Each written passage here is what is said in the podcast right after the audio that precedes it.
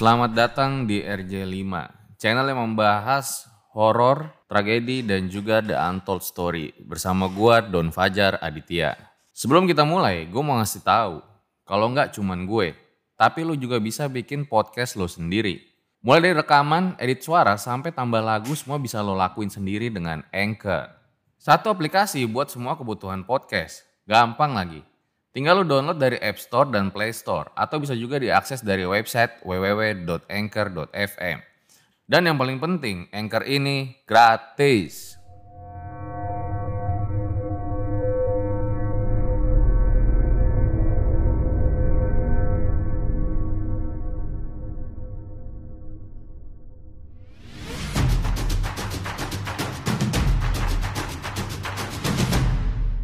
Kini Podcast Network.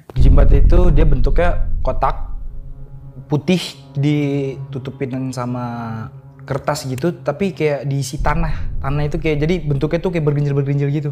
Itu dia pembalap ternama Pembalap ternama. dan dia mengaku selalu pakai itu. Ya, betul.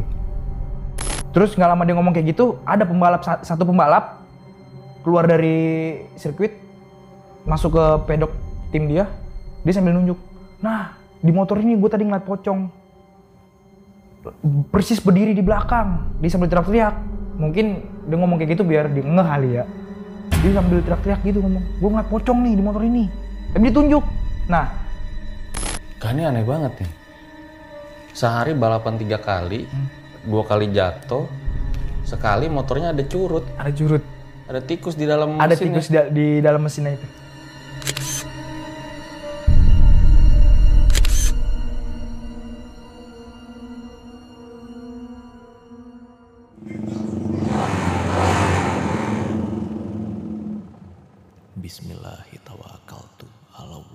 La haula wala quwata illa billah.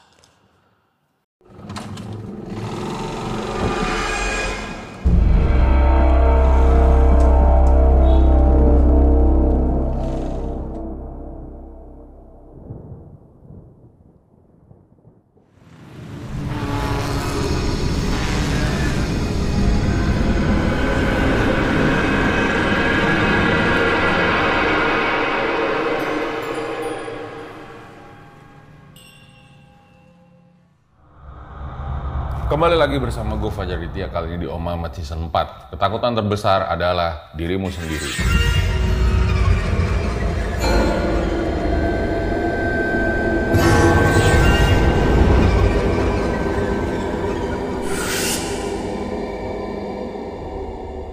Ya guys, kayak biasa. Nah, tapi Om Mamat pada kali ini jadi mundur sehari nih di hari Jumat. Karena emang biasalah kita lagi lumayan padat guys. Nah, seperti biasa juga di RJ5 itu nggak ada setting-settingan. Makanya kalau kalian bilang, Bang, upload narasumber aja, susah nyarinya guys. di malam hari ini kita kedatangan seorang pembalap nih yang katanya punya cerita horor menyeramkan. Langsung aja kita sapa. Selamat malam, Pak. Selamat malam Mas Fajar. Pembalap motor ya? Balap motor, betul. Itu pembalap motor resmi atau gimana? Eh, dibilangnya resmi, resmi. resmi Kalau ya? road race, iya. Road race itu apa? Road race tuh kayak balapan tikung-tikungan gitu. Oh, bukan lurus doang ya? Bukan, kalau lurus tuh biasanya ba- balapan drag. Drag ya. Nah, katanya pada saat itu punya pengalaman horor yang serem banget. Banyak, Banyak. banyak. Sampai jatuh juga katanya. Sampai jatuh. So, gue rasa langsung saja berikut adalah ceritanya.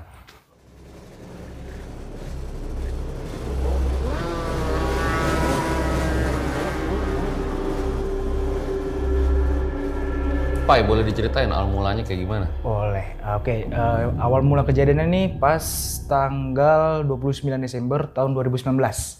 Itu jadi gue sama temen gue ini kayak ngikutin balapan road race gitu ada event di daerah Jawa. Eh, kebetulan itu kayak balapan pertama.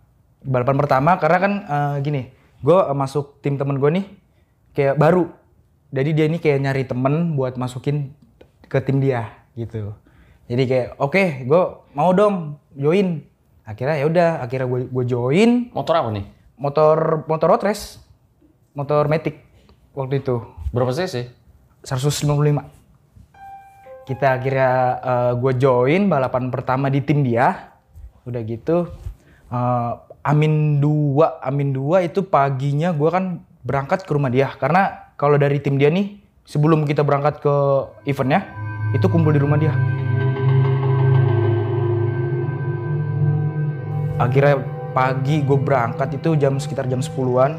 Gue jalan ke rumah dia, and then jam 12 itu sampai eh, kayak biasa aja kayak awalnya tuh kalau siang tuh kebanyakan nyeting-nyeting motor sih mas kayak ngecek-ngecek motor gitu lah ini takutnya ada yang trouble apa enggak ya kan Pakai turbo enggak?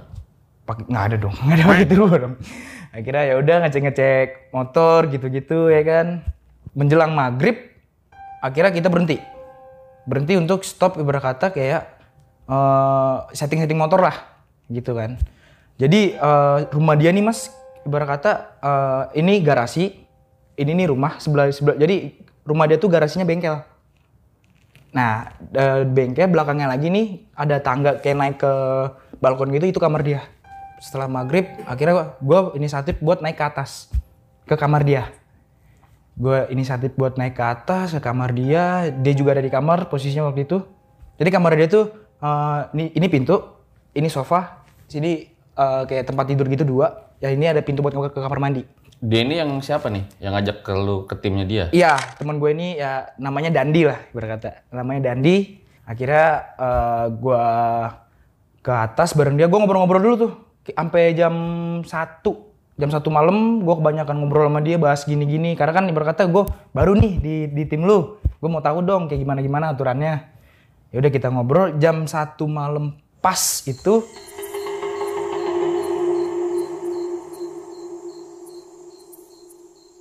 dia sama mekanik dia nih, mekaniknya Dandi ini sama asisten mekaniknya dan teman-teman gue ini yang beramai 9, 9 orang lah berkata mau nyeting motor. Cuman dalam dalam kutip ya gimana ya melanggar aturan sih soalnya nyeting motor di jalan raya gitu loh. Karena kan kalau motor nyeting motor itu kita nyari awal buka gas sama tutup buka gas kalau road race mas. Karena kan dia tikungan. Nah terus kalau eh, udah itu akhirnya mau nyeting cuman eh, awal dia nyeting itu dia ngajak saya di situ posisi saya karena namanya anak muda ya mabok lah ya kan namanya udah itu udah males sih berkata kan kayak saya tidur di sofa dia lagi duduk di bawah gitu. Dia duduk di bawah akhirnya eh, mekaniknya mekaniknya kayak nyamperin dia ke kamar ke kamarnya dia ini buat ngasih tahu ayo nyeting sekarang. Oke ayo nih. Ya, itu pagi-pagi ngapain nyeting gitu? buat nyobain motor dong mas sebenarnya.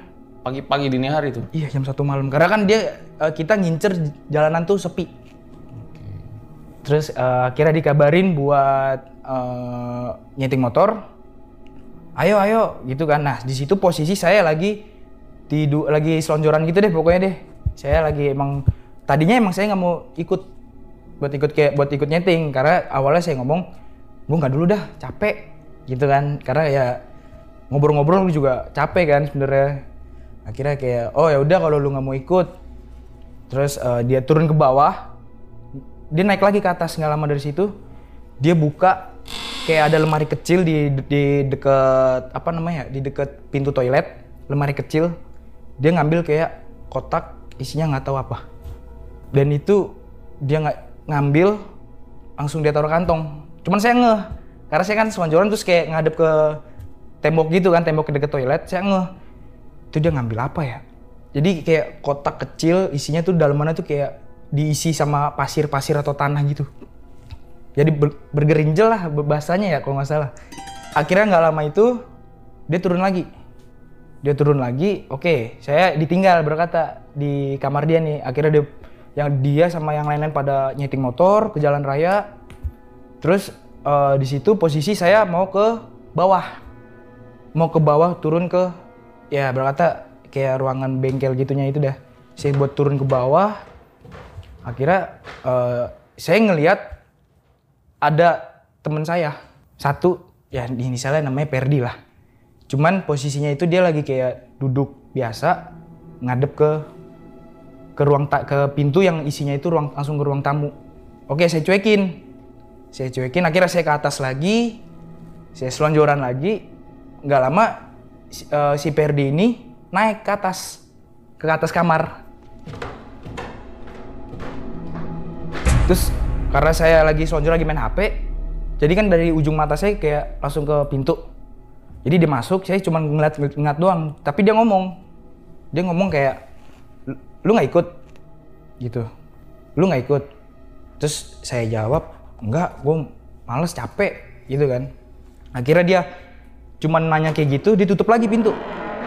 Ditutup lagi pintu, nggak lah, seling 10 menitan saya ke bawah lagi, niatnya mau ngambil air minum. Setelah saya ke bawah, kok sepi. Itu bener-bener kayak sepi banget gitu kan. Terus kayak, ya udah. Jadi eh, pintu ruang tamunya ini nih, kalau kita buka langsung ada kayak dispenser minum gitu mas. Saya buka pintu ruang tamu, pas banget di situ ada nyokapnya teman saya ini yang, yang namanya Dadi Dandi ini. Saya tanya, kok sepi tan? Iya orang tadi pada pas si Dandi jalan pada ikut. Nah di situ di, di situ kayak langsung kayak terus tadi yang naik ke atas siapa? Wah, masuk baru pertama kali mau ikut balap masuk begini kan kejadiannya kan horor juga kan kalau menurut saya. Terus kayak ya udahlah cuek akhirnya saya naik ke atas seling sejam itu jam 3 jam setengah 4 si Perdi Perdi ini datang saya langsung lari ke bawah dong saya pikir saya kayak pengen tahu aja siapa ya pas dilihat ternyata wah Perdi terus saya tanya lah lu ikut lah ini gue ikut makanya di gue mau ngambil oli lah dalam hati kayak terus tadi siapa gitu loh. Terus tadi siapa ya yang naik ke atas nanya nanya ikut apa enggak? Tapi di mata ujung mata saya itu ngelihat bener-bener persis bentuknya dia. Orang gue ikut tadi bareng bocah-bocah. Oh, ya udah. Akhirnya dia jalan lagi. Saya saya langsung ngambil kunci motor saya ikut. Saya ikut akhirnya terus ya jam setengah habis subuh lah. Habis subuh itu kita selesai setting-setting motor ya kan, setting-setting motor akhirnya nyampe ke rumah si Dandi ini lagi. Itu masih rame anak-anak ya kan. Eh, anak-anak pada di bengkel gitu di bawah. Saya sama sama Dandi ini sama asisten jokinya eh, asisten joki dia nih sama fotografernya pada naik ke atas ke kamar. Terus ya udah kita eh, di atas. Nah si Dandi ini nih kan lagi duduk kayak sila sila gitu mas kayak muter gitu ya kan di bawah di lantai. Terus dia berdiri dia ke toilet. Dia ke toilet tapi dia ngeluarin kayak benda itu ditaruh di atas meja. Terus dalam hati saya, oh itu jimat loh. Dalam- terus kayak ngomong lagi, oh lu berarti sama ini balap nama lu gede, pakai jimat kali ya? Makanya kayak oke lah gitu akhirnya dia keluar dari kamar mandi, dia ambil itu kotak, dia kayak nawarin saya, mau pakai nggak? Terus saya langsung kayak, wah nggak dah, gue mau bersih. Saya bilang gitu kan, nggak dah, gue mau bersih orangnya, nggak percaya nggak percaya gitu gituan. Jimatnya kayak gimana? Jimat itu dia bentuknya kotak putih ditutupin sama kertas gitu, tapi kayak diisi tanah. Tanah itu kayak jadi bentuknya tuh kayak bergenjil-bergenjil gitu. Itu dia pembalap ternama Pembalap ternama. dan dia mengaku selalu pakai itu. Ya betul.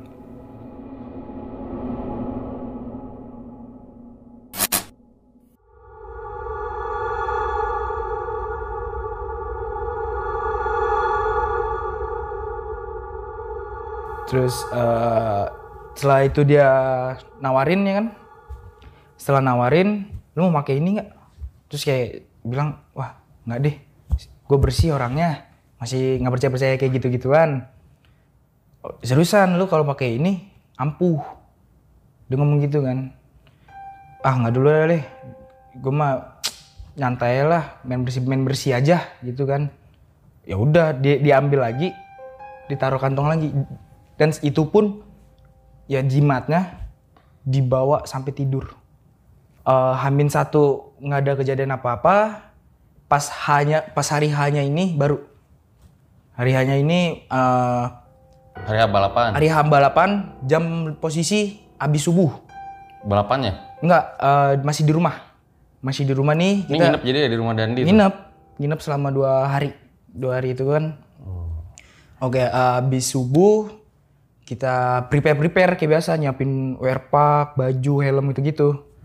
Ini di timnya ada siapa aja nih yang terlibat nih? Bisa dijelasin dulu mungkin. Eh, yang pertama ada Dandi, Ferdi, terus eh, satu lagi Rizal. Itu apa aja dia? Nih. Yang satu si Dandi ini ya teman saya yang joki, yang joki ternama itu.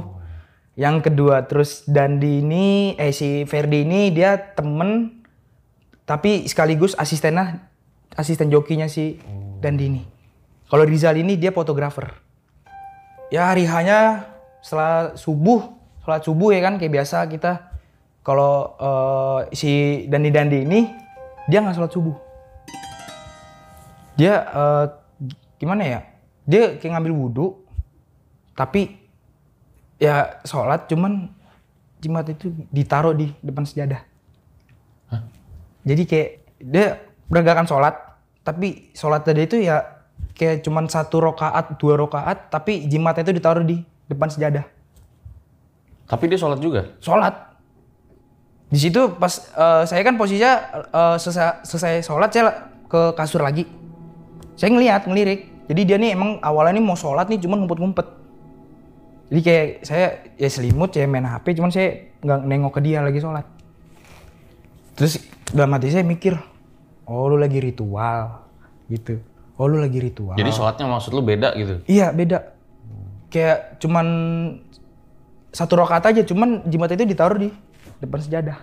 Oke lah, kalau kayak gitu ya kan, eh gua gua pun sih sebenarnya orangnya cuek mas. Kalau buat masalah kayak gitu-gitu kan kayak udah bodo amat itu mungkin udah jalan lu kalau kayak gitu. Penting jalan lu, jalan lu, jalan gua, jalan gua, ya kan. Terus eh, setelah setelah itu setelah selesai sholat, eh, udah nih jam setengah enam kita berangkat, mau berangkat. Setengah enam kita mau berangkat, eh si Dandi nih udah pada prepare di bawah. Udah udah tinggal masuk mobil lah bahasanya ya kan. Motor udah pada siap di mobil-mobil towing, mobil anak-anak, mobil dia pribadi. Nah saya ini satu mobil sama si Dandi Dandi ini. Oke lah dia udah dibawa duluan. Nah saya masih di atas, masih nyiapin baju. Karena kan posisinya saya di situ apa namanya ketiduran lah bahasanya. Waduh telat nih, takutnya telat kan. Yaudah saya siapin kemasin kemasin baju, kemasin helm, sarung tangan gitu-gitu. Saya gemblok tas, saya jalan ke arah pintu keluar ini. Pas saya mau jalan itu, di lemari kecil dia tempat ngambil jimat itu kayak gerak. Itu sebanyak dua kali. Jadi kayak lemari kecil itu kayak kebuka tutup buka tutup. Dah. Itu kayak saya ngeh, notice maksudnya. Notice kayak ah, biarin dah. nggak peduli juga. Terus ya udahlah, bodo amat. Akhirnya saya turun ke bawah. Eh, kita berangkat ke tempat road ini. Jam 8, jam 8 inget banget jam 8 kita sampai. Kapan? 8 pagi. Oh. Jam 8 pagi kita sampai di di arena balapnya. Kita mulai eh, berkata kalau di balap itu kalau buat nyari tempat kayak pedok gitu mas, itu kan kita rebutan. Jadi dulu-duluan masang tenda, tenda buat kayak nutupin dari matahari gitu dah pokoknya dah buat ngadem. Pokoknya kayak cepet-cepetan gitu. Akhirnya kita dapat nih di paling pojok, paling pojok tapi di belakang kita itu sungai. Terus ya udah kita dapetnya di situ, kita parkir, kita turunin tenda. Tendanya tuh kayak tenda-tenda yang pasar malam tuh yang persegi tapi apa kerucut gitu dah pokoknya dah. Terus ya udah kita prepare rapi-rapi. Udah jam setengah sembilan itu kita udah rapi-rapi nih.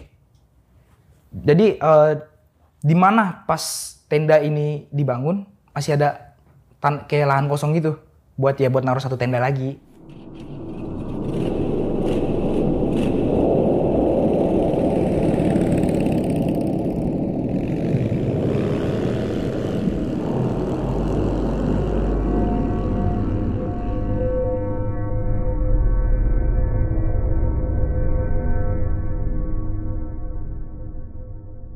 Napas dulu dong guys. Sebelum lanjut, kenalan dulu yuk sama all-in-one podcast editing platform. Namanya Anchor. Anchor ini adalah aplikasi yang buat gue lebih mudah untuk rekaman, edit suara, tambah lagu. Pokoknya segala hal dalam pembuatan podcast yang lo dengerin ini. Jadi kalau lo mau bikin podcast lo sendiri, sekarang juga bisa. Caranya tinggal download dari App Store dan Play Store. Download Anchor sekarang juga.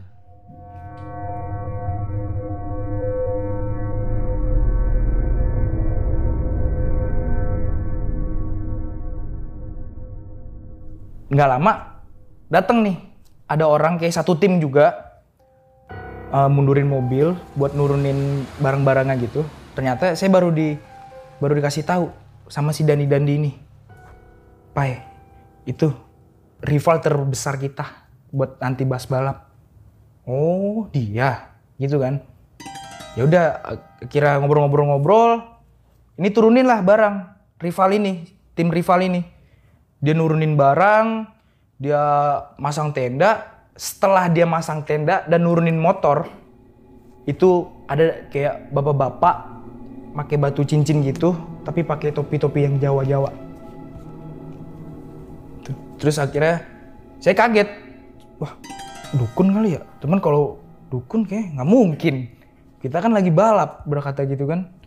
Kayak ya udahlah, biarin Kayak gimana eh, sosok bawa bapaknya? Dia bapak ya jenggotnya tebel. Putih tapi rada pendek tapi gemuk. Kok bisa ngira dia dukun lo kenapa? ya notice di pikiran kayak wah dukun kali ya. Soalnya bener-bener batu cincin tuh full. Perawakannya lah. Iya perawakannya tuh batu cincin full di tangan terus pakai topi-topi yang kayak topi-topi itu blangkon kalau nggak salah namanya. Ya kayak gitu-gitu dah pokoknya. Nah di situ pikiran saya wah masa dia bawa dukun Di tim sebelah ya? Iya di tim sebelah, di tim rival ini. Masa dia bawa dukun? Nggak mungkin dong. Kira, ah yaudah cuek. Dia duduk, gak lama si dan ini notice. Kok gue gelisah ya? Kok badan gue kayak panas gitu. Terus ya udahlah, kita ngobrol-ngobrol-ngobrol. Eh, pas ada di situ namanya kita kualifikasi kualifikasi waktu. Itu di jam 10 di jam 10 uh, nah motor saya nggak turun. Si Dandi duluan yang turun. Akhirnya Dandi prepare prepare motornya memakai pakai baju balap ya kan? Nah dia masukin jimatnya itu di dalam. Jadi kayak sebelum dia mau kancingin wear pakai itu jimatnya ditaruh di dalam baru dia kancing. Berarti lu biar nggak kenapa-napa kali ya? Cuman pikiran positif saya itu doang wah ini biar lu nggak kenapa-napa kali pas jatuh kalau amit-amit jatuh. Terus ya udahlah. Akhirnya uh, dia udah siap motor udah prepare dia keluar tenda pengen ke start start posisi dia kualifikasi waktu. Pas banget motornya keluar tenda sama dia jalan nih bawa bapak yang ini dia lari. Dia lari ke tribun. Jadi uh, startnya ini ini start ini tribun dia lari ke situ.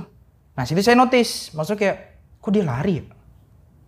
Akhirnya saya udah saya cuek, saya nggak mau kayak sampai nyari tahu gitu, nggak mau nyampe nyari tahu ya udah saya cuek lah, saya cuekin, saya duduk, start nih mulai nih, mau masuk ke lap kedua, motor Dandi ini trouble, dan si bapak-bapak ini dari atas tribun dia, dia ketawa-tawa, akhirnya dia kayak ketawa-tawa seneng. Terus kayak dia uh, nunjuk-nunjuk gitu lah pokoknya lah. Nunjuk-nunjuk terus tawa-tawa wah kenapa nih? Soalnya dari posisi tenda saya nih sama ke tribun itu lumayan deket. Tuh, nunjuk-nunjuk gitu ya? iya makanya dia nunjuk-nunjuknya ke teman saya ini si Dandi Dandi ini sambil tawa-tawa. Maksudnya wah kok tawa-tawa? Ah cuek lah. Akhirnya uh, temen saya si Dandi ini jatuh, dia crash, motor dibawa balik ke uh, ke tenda lah ibarat kata bahasanya nih dibawa di stud ke tenda. Nah itu dia kesel, dia kesel kayak ah kenapa ya perasaan kemarin nyeting nggak apa-apa dah. Kemarin pas nyeting motor sehat-sehat aja, digeber sampai limit juga masih oke okay lah. Karena saya nggak mau tahu menau, ya udah diem aja duduk main HP dia dia masih ngoceh-ngoceh tuh pas dibongkar ternyata motornya itu olinya keluar semua. Padahal hamin satu sebelum kita jalan itu motor sehat. Dan itu bener-bener oli semua keluar di, dalam di, di luar mesin motor. Oke, seling em, berapa 30 menitan lah, 30 menit baru nih bawa bapak dari tribun yang yang ke tribun ini lari balik lagi ke tenda ke tenda tapi sambil ketawa-tawa. Dia sambil ketawa-tawa terus kayak ngomong ke temennya pakai bahasa Jawa lah kalau nggak salah yang saya denger. Pakai bahasa Jawa terus eh, dia duduk dan si Dandi ini ngajak saya buat ke toilet. Apa ya temen toilet yuk, ayo. Ya udahlah kita ke toilet. Jadi toiletnya mau ke toilet nih kita ngelewatin depan tenda dia mas. Pas kita ngelewatin itu dia emang ngelirik. Awalnya kayak ngelirik gini doang. Habis itu ya udah saya ke toilet sama Dandi Dandi ini di, di dalam toilet Dandi baru ngomong, lu ngerasa nggak di tenda ada kayak nggak enak-enak gitu? Kalau gue sih ngerasa cuman kayak ada yang ngeliatin. Saya bilang gitu ke Dandi. Orang di tenda, si terus si Dandi ngomong, orang di tenda ada genderuwo. Ah, nggak mungkin. Lu mah aneh kalau ngomong gitu kan. Pagi nih kan. ya. Iya, masalah kayak pagi gitu. Enggak, lu mah aneh kalau ngomong. Serius, Pai. Bener-bener ada genderuwo di belakang persis di belakang bapak-bapak itu. Terus kayak ah yaudahlah bodo amat cuek ya kan. Kita keluar dari toilet nih bareng-bareng dan itu pun bapak-bapaknya masih kayak tawa-tawa masih ngobrol sama temennya itu. Dia ngobrol pas banget saya duduk di kursi itu langsung bau kayak bau bau darah darah amis. Nah di situ nggak ada notice. Itu saya doang notice. Kayak wah ini bau apaan ya? Saya cek ke bawah-bawah, saya cek ke motor nggak ada nggak ada darah sama sekali. Ah ya udahlah biarin gitu kan. Cuman sih dan di ini eh, awalnya kayak tatap-tatapan gitu mas sama bapak-bapak ini. Cuman akhirnya kayak ya udah kayak nggak ada semenit ya tatapannya ya udah akhirnya dia duduk lagi. Di situ dia nelpon nggak tahu siapa Siapa? si Dandi ini Dandi ini dia nelpon nggak tahu siapa pakai bahasa Jawa. Dia keluarin jimatan nih dari wearpacknya dari wearshotnya dia dia keluarin. Jadi dia kan duduknya sila. HP ditaruh di paha eh, jimat taruh sini tangannya gini. Itu selama satu jam setengah. Satu Gini jam, terus? satu jam setengah gini terus. Nggak tahu. Tapi dari suara telepon itu di di, di, di apa? Dikecilin volumenya. Jadi biar kayak nggak ada yang denger mungkin. Cuman kita kan nggak tahu dia ngapain. Akhirnya dia gini terus itu selama satu jam setengah ya udah karena saya masih main HP karena orang yang nggak mau tahu gitu kan.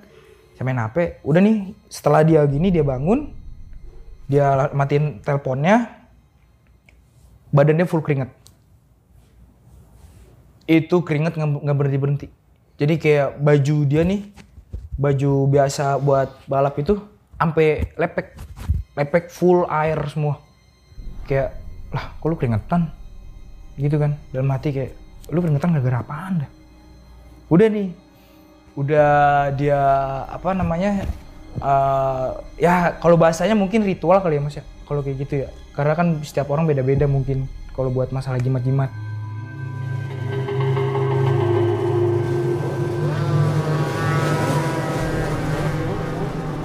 setelah azan jam 2 jam setengah satu jam 12 itu dia turun lagi buat kualifikasi waktu pakai motor dia yang kedua. Karena saya dari bengkel tuh bawa bawa empat motor. Dia mainin motor yang kedua dia nih. Awalnya sama pas di Hamin satu pun itu motor nggak ada bener-bener nggak ada trouble ataupun masalah lah ibarat kata. Kayak fun kayak fine fine aja kayak motor-motor udah siap balap dia pakai wear pack cuman kali ini pas mau bawa motor kedua ini dia beda mas.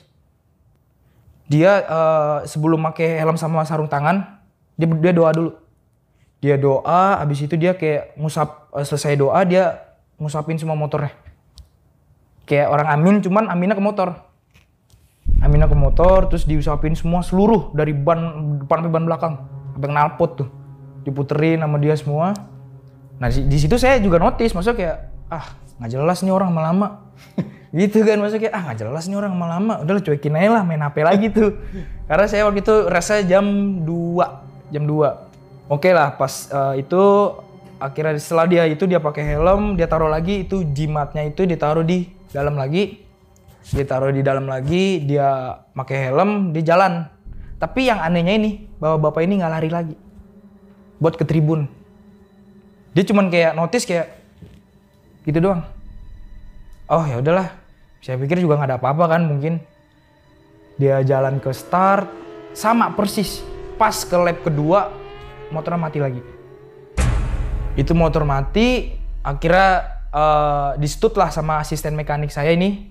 Motor di stut dari start ke tenda nih kan.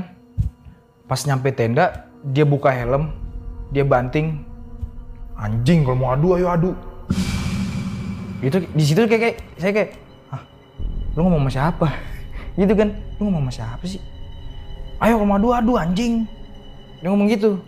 Cuman si bapak bapaknya ini nggak notice, kayak nggak denger lah. Kalau deketan duduknya. Dek, nggak ya lumayan deh sejarak semeter Ya, ya, semeteran lah lah kedengeran seharusnya soalnya dia teriak mas ampe yang di belakang pun itu kayak rival-rival lain tuh nengok semua nengok kayak apaan sih? Apaan sih? Gitu kan. Jadi lucu juga ya, bukan adu balapan nih. bukan adu balapan jadi malah kayak adu kuat-kuatan ya jimat lah bahasanya. Terus dia setelah setelah dia teriak itu saya tanya ngapa sih? Kagak udah nggak beres nih balapan kali ini. Dia ngomong gitu nggak beres nih balapan kali ini. Ah nggak beres gimana? Kagak udah anjing pokoknya itu orang anjing. Tapi dia ngomong anjingnya dikencengin anjing tuh orang mah anjing saya mah ah, udah bodo amat. Nah itu pas dia ngomong anjing-anjing saya mau ke toilet. Saya ke toilet sendiri saya kencing. Jadi eh, pintu toilet itu kan pintu toilet mas cuman eh, bawahnya itu masih bisa kelihatan kaki gitu loh. Nggak full jadi pintunya. Saya ke toilet saya kencing saya tutup pintu saya kencing. Itu pas saya masuk ke toilet nih saya nanya dulu ke penjaga ke yang jagain toiletnya. Kosong mas? Kosong. Ya udah saya masuk jadi toilet itu kayak roof L. Jadi eh, ini masuk ini ke toilet toiletnya itu. Saya masuk ke toilet paling pojok. Bener sepi nggak bener-bener nggak ada orang. Terus saya kencing nggak lama setelah saya selesai kencing itu ada suara ketawa kakek kakek. Itu bener-bener kayak di belakang saya. Bener-bener di belakang saya itu kayak hah cuman kakek kakek. Panjang ketawanya. Enggak, enggak panjang. Kayak cuman, hah, gitu doang. Tapi itu posisi saya bener-bener sendiri. Dan itu pun saya langsung refleks, langsung buka pintu. Nggak ada orang. Eh, itu bener-bener sepi. Terus dalam hati kayak, ya udah mikir positifnya mungkin suara dari luar. Masuk ke dalam mungkin. Karena kan lorong gitu kan. Ah, udahlah, saya cuek. Pas saya keluar toilet, itu bapak-bapak yang bisa dibilang dukun itu masuk. Tapi sambil senyum ke arah saya kayak senyum jahat gitu. Ya udahlah cuek. Saya ke to- eh, saya jalan ke tenda, saya duduk. Nah, si Dandi Dandi ini masih masih ngeluh. Dia saya duduk, dia ngomong saya. Wah, pokoknya ini balapan terkacau. Kacau gimana? Enggak udah, nggak nggak nggak habis pikir lagi gua. Lah, jimat lu kali kurang bagus. Sambil bercanda-canda, jimat lu kali kurang bagus kagak udah intinya gue nyesel nih balapan hari ini yang ngomong gitu oke lah masih kita ngobrol-ngobrol ngobrol-ngobrol nyampe jam 2 itu di mana saya start akhirnya saya start saya start terus eh, Sebentar, sebelum masuk ke lu start. Ini jadi eh, balapannya itu ganti-gantian apa gimana? ganti-gantian mas karena kelasnya banyak Oh, yang Dandi itu kelas apa? dia kelas motor FFA Itu apa? FFA tuh motor yang bener-bener cc-nya yang ada batasnya Oh. tiga motor itu FFA motor dia itu sama sekali nggak ada CC besar semua CC ya? besar semua. Di atas dua setengah lah ada, ada yang 200 200 cc. Kalau lu yang gue yang Matic, 155 Matic 155 Sirkuitnya berarti gede ya? kecil. Itu kecil banget sirkuitnya nggak gede-gede banget lah bisa dibilang mah. Kayak ya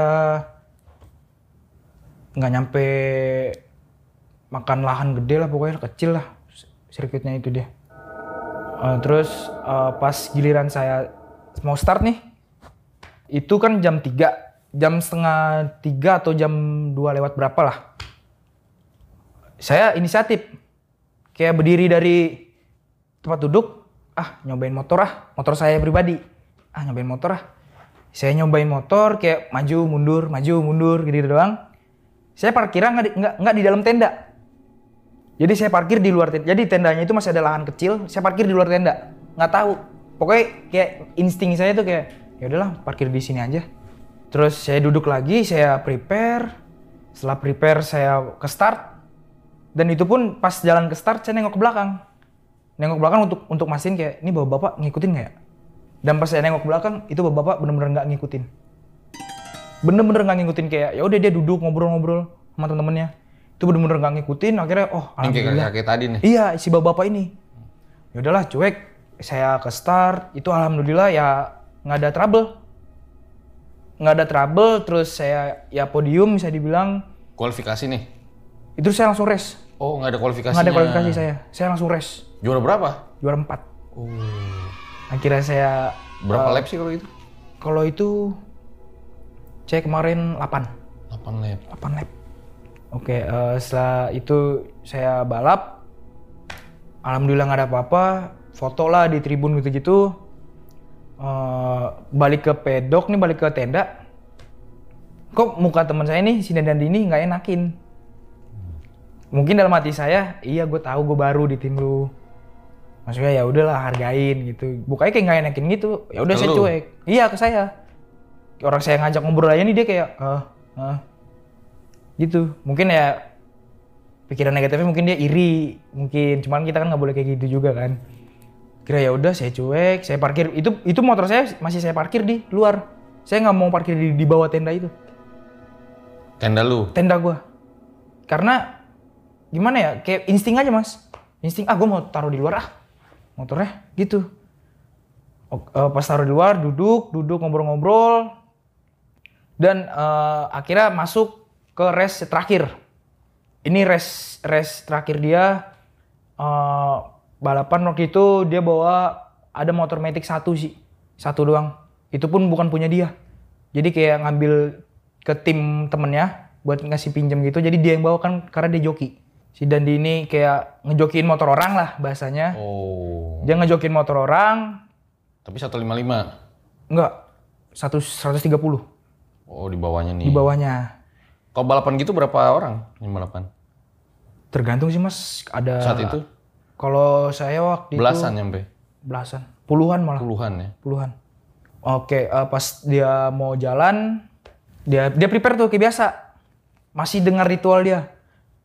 Masih dengar ritual dia tapi yang saya heranin nih jadi kan eh, tempat tenda kita tuh ada selalu ada kipas mas. Kipas saya itu buat ke mesin sama buat ke kita. Tapi ini badan dia masih keringetan. Itu full dari kepala rambut tapi itu masih keringetan padahal saya aja tuh duduk di situ bener-bener dingin. Karena kipas kan. Waktu itu hawanya emang lagi kayak mendung-mendung mau hujan gitu. Dia pakai itu tapi dia masih sama dengan ritual itu. Dia doa dia usapin lagi ke, ke motornya. Walaupun itu bukan motor dia. Dia bawa lagi motornya. Dia ke start tapi ini bawa bapak berdiri dari bangku cuman ketawa. Dia ngelirik kayak heh kayak ketawa-tawa jahat. Itu dia ketawa di situ saya soalnya pandangan saya itu ke pedok dia ke tenda dia. Bapak-bapaknya muncul lagi nih. muncul lagi. Muncul lagi cuman nggak jalan. Dia cuman kayak berdiri ya udah tawa ngeliat kayak ngelirik gitu. Dia ketawa. Oh. Berarti dalam kalau dalam hati saya sih ngomong kayak oh berarti lo ngincer Dandi. Gitu loh. Masalahnya nih di saat motor saya di luar tenda pun nggak kenapa-napa tapi kok motoran di dalam tenda rusak semua gitu loh